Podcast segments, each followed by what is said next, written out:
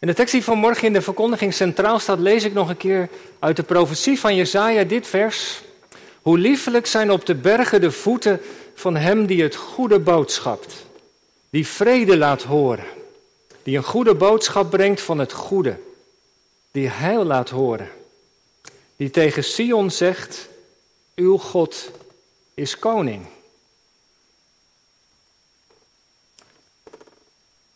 Gemeente van Christus, u weer in de kerk en thuis met ons verbonden. De tekst die vanmorgen centraal staat, vraagt eigenlijk om verbeelding. Stel je voor, je zit in een stad omgeven door heuvels.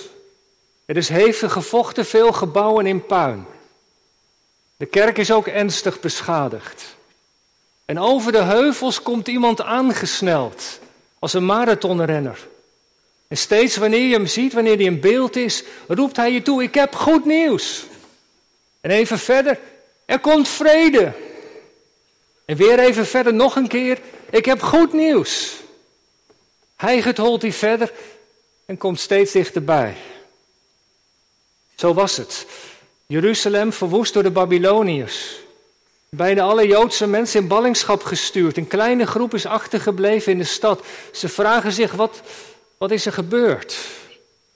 Heeft God ons verlaten? Is het over met ons? Jeruzalem. Dat had de stad moeten zijn van Gods aanwezigheid.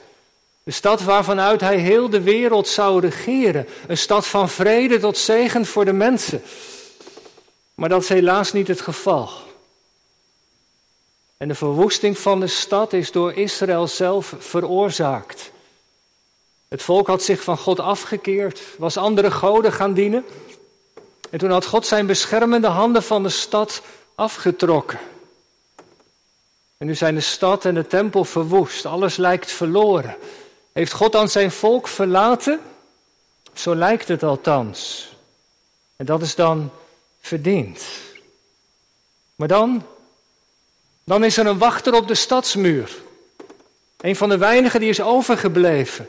En ver op de heuvel ziet hij die boodschapper aankomen die naar de stad toe rent en hij roept goed nieuws. Er komt vrede. En de wachters van de stad juichen. Net als bij het einde van de Tweede Wereldoorlog.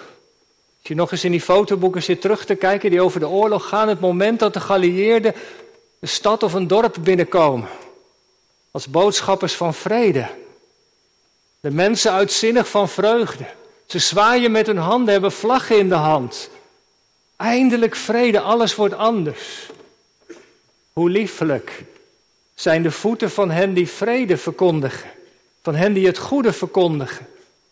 En de wachters geven de boodschap door aan de mensen die er nog zijn in de stad. Er breekt gejubel uit. En als er een klok is, dan wordt die geluid. Zo mogen we het ons een beetje voorstellen vanmorgen. Trouwens, op sommige plekken wordt de klok geluid. Zijn dominee het beroep heeft aangenomen. In korte tijd via sociale media gaat het bericht door het dorp of door de stad. Wat? Echt waar? Heeft hij het aangenomen? Voor morgen is het een vreugdevolle dag. Want als Sint-Jans gemeente krijgen we een nieuwe herder en leraar. Naast dominee Batenburg en dominee Schroten nu ook dominee Goedhart. Dat is wel iets om verwonderd over te zijn, vindt u niet? God stuurt een nieuwe boodschapper. Een vredebode. We hebben enige tijd op moeten wachten, maar vandaag is het zover. Een reden tot dankbaarheid. Waarin we met elkaar toch ook de trouw van God mogen zien. En dat jij, Jan Maarten, in de roep van de gemeente de roepstem van God hebt gehoord. Jullie hebben dat samen ontdekt. Want uiteindelijk is dat wat we geloven en beleiden dat je gezonden bent. Dat God zelf, door God zelf om hier in Gouda en op alle andere plekken ook het goede nieuws te verkondigen. In al die aspecten die daarbij horen. Catechese, pastoraat, bij rouw- en trouwdiensten. Wij mogen de Heer daarvoor eren. Hij laat ons als gemeente niet los, hij blijft betrokken. En opdat de mensen tot het geloof worden gebracht, zendt God in zijn goede tierenheid verkondigers van deze zeer blijde boodschap. Tot wie hij wil en wanneer hij wil. Artikel 3 van de Dordtse leerregels. Door een dienst worden mensen geroepen tot bekering en geloof in Christus de gekruisigde. Want hoe zullen ze in hem geloven als ze niet van hem gehoord hebben? Hoe zullen zij horen zonder prediker? Hoe zullen zij prediker prediken tenzij ze gezonden worden? Vanmorgen wil ik vanuit de tekst een paar dingen onderstrepen over wat het betekent om als predikant een bode te zijn. Natuurlijk, je bent als voorganger niet de enige in de gemeente. Er zijn broeders van de kerkraad. Gemeenteleden die met hun gaven de Heeren dienen. Zoveel mensen die in de kerk een steentje bijdragen. Samen vormen we één lichaam. Maar vandaag zetten we even een streep onder het ambt van predikant. Paulus doet dat ook in Romeinen 10, hè? Daar verbindt hij dat woord van Jezaja met zijn eigen roeping. Ja, zelfs met iedereen die het evangelie verkondigt. En twee dingen wil ik vanmorgen onderstrepen. Iets, wil iets zeggen over de boodschapper, over zijn voeten. En over de boodschap, de inhoud van de boodschap die hij brengt. De boodschapper en de boodschap. Eerste punt, de liefelijke voeten. Er komt dus een bode af op de stad met goede tijding. Het volk is in ballingschap, de stad en de tempel staan er niet best voor. Andere machten lijken het voor het zeggen te hebben. Zou God zijn volk vergeten zijn? Nee, hij laat van zich horen. Hij stuurt een heraut vooruit. En de wachters zien hem verrukt aankomen. Hoe liefelijk zijn op de bergen de voeten van hem, de voeten van de vreugdebode. Ineens gloort er hoop. Hoe lieflijk. Dat, dat is een uiting van verwondering en verrassing.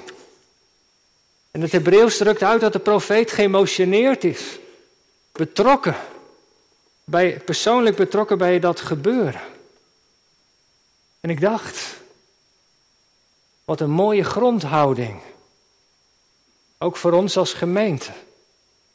Om zo uit te zien wat de dienaren van God ons te vertellen hebben. Elke zondag weer opnieuw.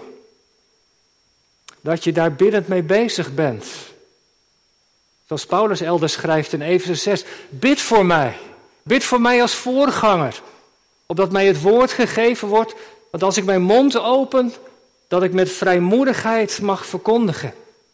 Geheim van het evangelie bekend mag maken. En weet je, als je zo bidt, ga je anders luisteren. Meer betrokken. Wat zou God vanmorgen tegen ons te zeggen hebben? Hoe liefelijk zijn de voeten van hen die het goede nieuws brengen.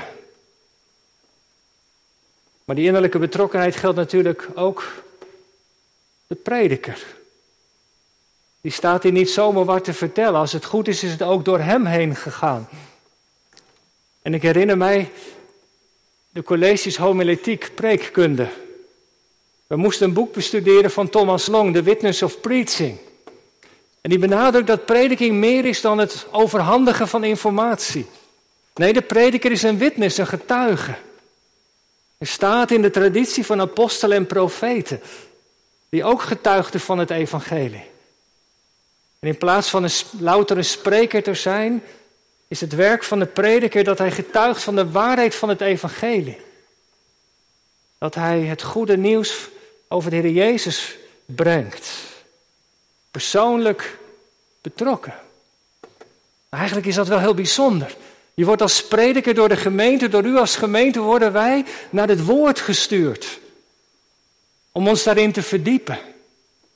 Om te luisteren en te horen wat God tegen ons te zeggen heeft. En dat mag je dan op zondag vertellen. Wat je hebt gehoord en gezien. Wat God door zijn geest aan je heeft geopenbaard. En die momenten zijn er natuurlijk ook in de Bijbelkring. Momenten dat je met het woord bezig bent. Maar zondag mogen wij met u delen wat we van God hebben ontvangen. Is dat niet bijzonder? Hoe liefelijk zijn de voeten van de vreugdebode. De voeten Paulus zal ook wel aan zijn eigen voeten gedacht hebben. Denk je niet? Hij heeft zijn voetzolen versleten om op honderden plekken de blijde boodschap te brengen. Waarom de voeten? Dat zijn niet de meest aangename lichaamsdelen.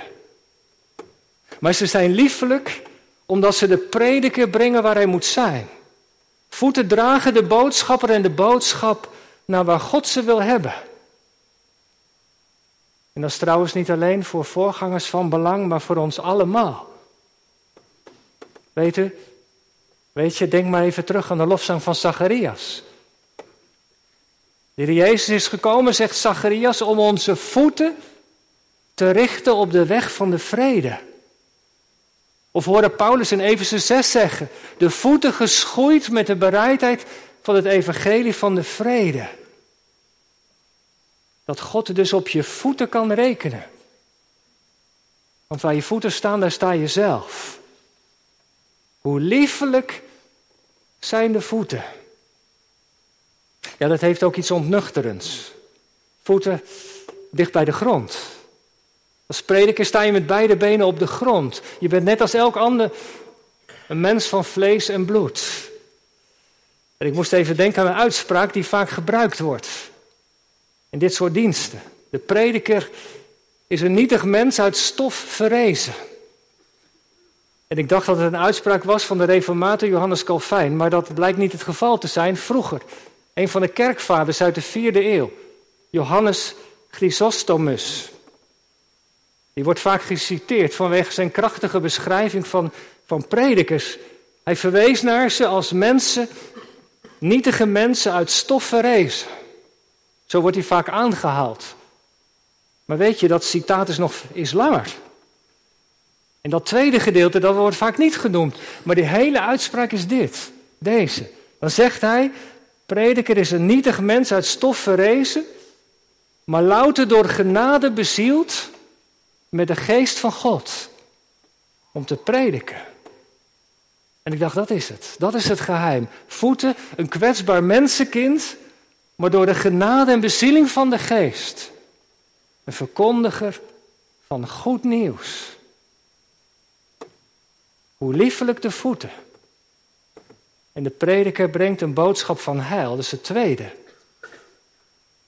Als je nog eens even naar de tekst kijkt, dan valt op in vers 7, Jesaja 52, dat die boodschap van die vreug, vredebode wordt omschreven met een heel aantal kleine zinnetjes. De zinnetjes buiten als het ware over elkaar heen. De boodschapper die het goede boodschapt, die vrede laat horen, die een bood, goede boodschap van het goede brengt, die hij laat horen. Allemaal zinnetjes die de boodschap van de vreugdebode typeren. En je ziet in de tekst een beweging van de voeten naar de boodschap. Alle aandacht gaat uit naar het goede nieuws dat de boodschapper brengt. En ik weet niet of je dat weet, maar de profeet Jesaja wordt wel de evangelist van het Oude Testament genoemd. En dat heeft met deze tekst te maken. Want twee keer staat er in deze tekst dat de boodschapper het goede boodschapt.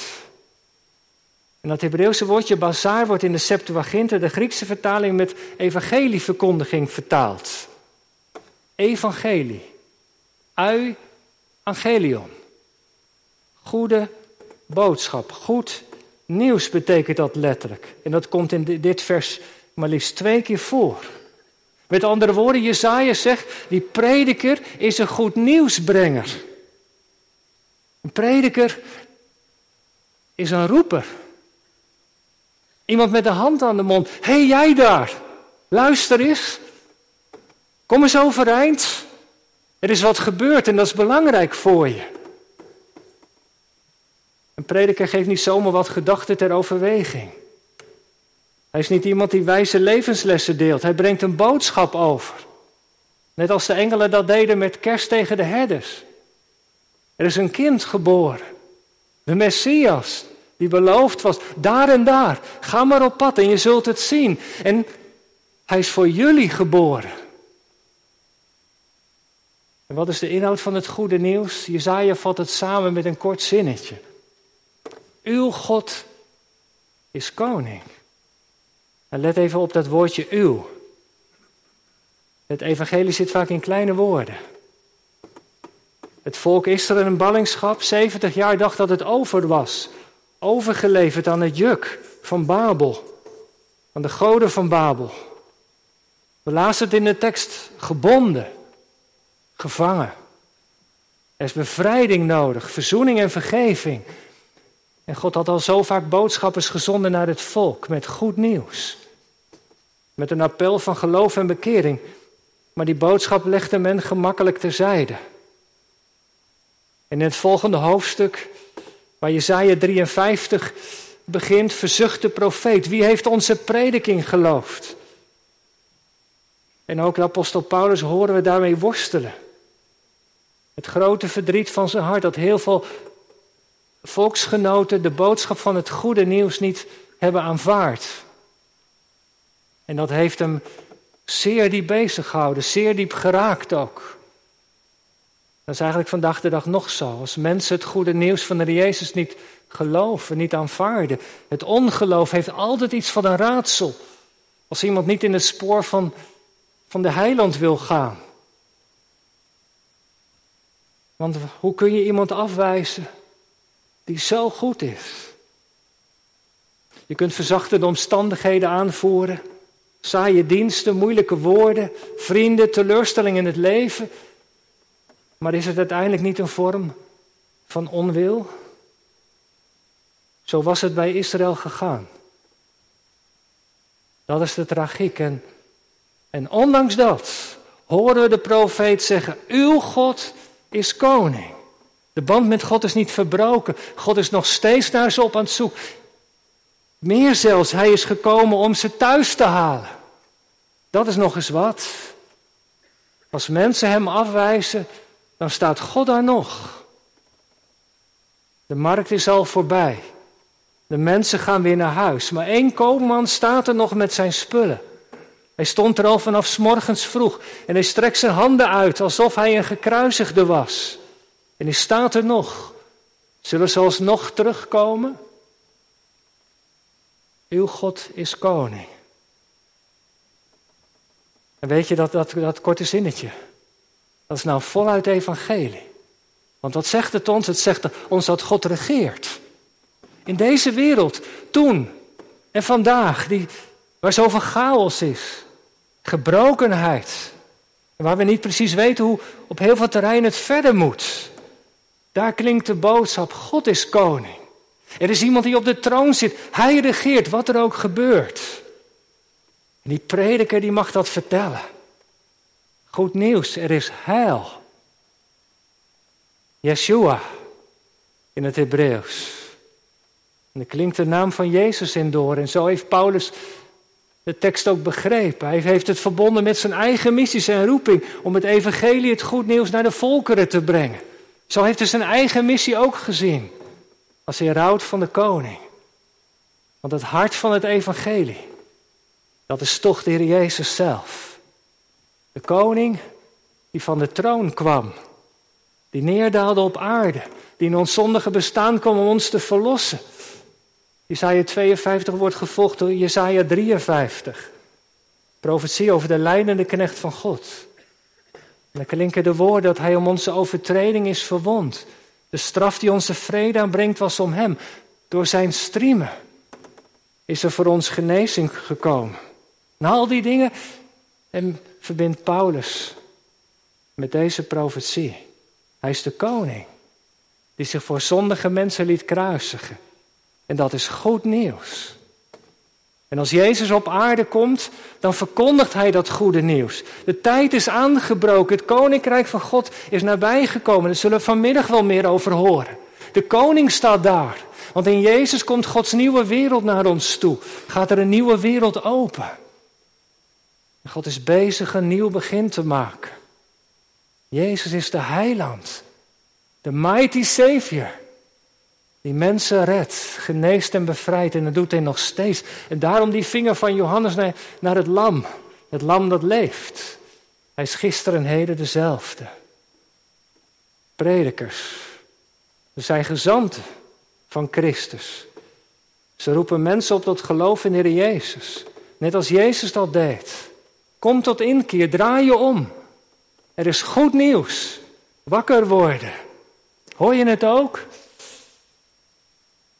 Zo klinkt de boodschap van de boodschapper. Is niet vrijblijvend, vraagt om geloof, om bekering. En net als de ballingen staan wij ook voor de keus. Blijven we hangen bij de goden van Babel, van die tijd, van onze tijd? We ons inspireren door de waarde van het koninkrijk van hier beneden. Macht, geld, aanzien, seks, geluk, status. Of sluiten we ons aan bij die karavaan van God die onderweg is? De profeet spoort de mensen aan in Babel om los te laten wat niet goed is. En opnieuw te gaan luisteren naar de stem die spreekt. Hoor je het? Hij komt. Loslaten wat bij je oude mens hoort. Wat niet goed is en gaan horen. En zo zegt Paulus, het geloof is uit het gehoor. En wat is horen?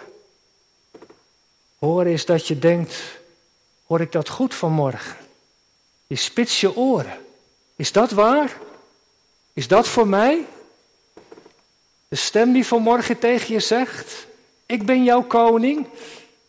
Kom bij mij als je vermoeid en belast bent, ik zal je rust geven. Hier is mijn vrede. Zo is dan het geloof uit het gehoor en het gehoor door het woord van God.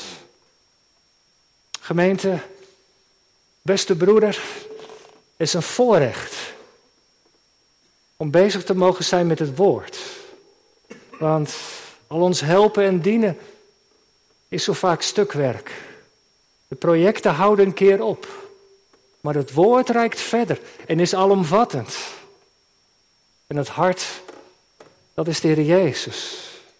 Daar mogen we over spreken, daar mag je ook over spreken. Jullie collega's over Hem. En wie al Gods beloften ja en amen zijn. En dan, wat is de vrucht? Dat laten we aan de Heere God over. Maar vrucht zal er zijn. Want een prediker is een gezondene. De macht van de boodschap is de macht van degene die erachter staat. Dat is het geheim. Een prediker komt ook met gezag. Hij staat in de dienst van God. En juist daarom die vreugdevolle oproep. Hoe liefelijk zijn de voeten van hem die het goede nieuws verkondigen. Want dat woord van God, dat komt en dat keert nooit leeg terug.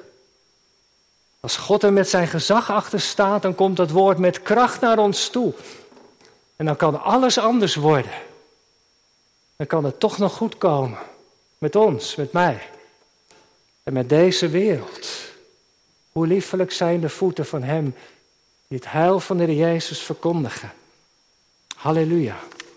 Amen.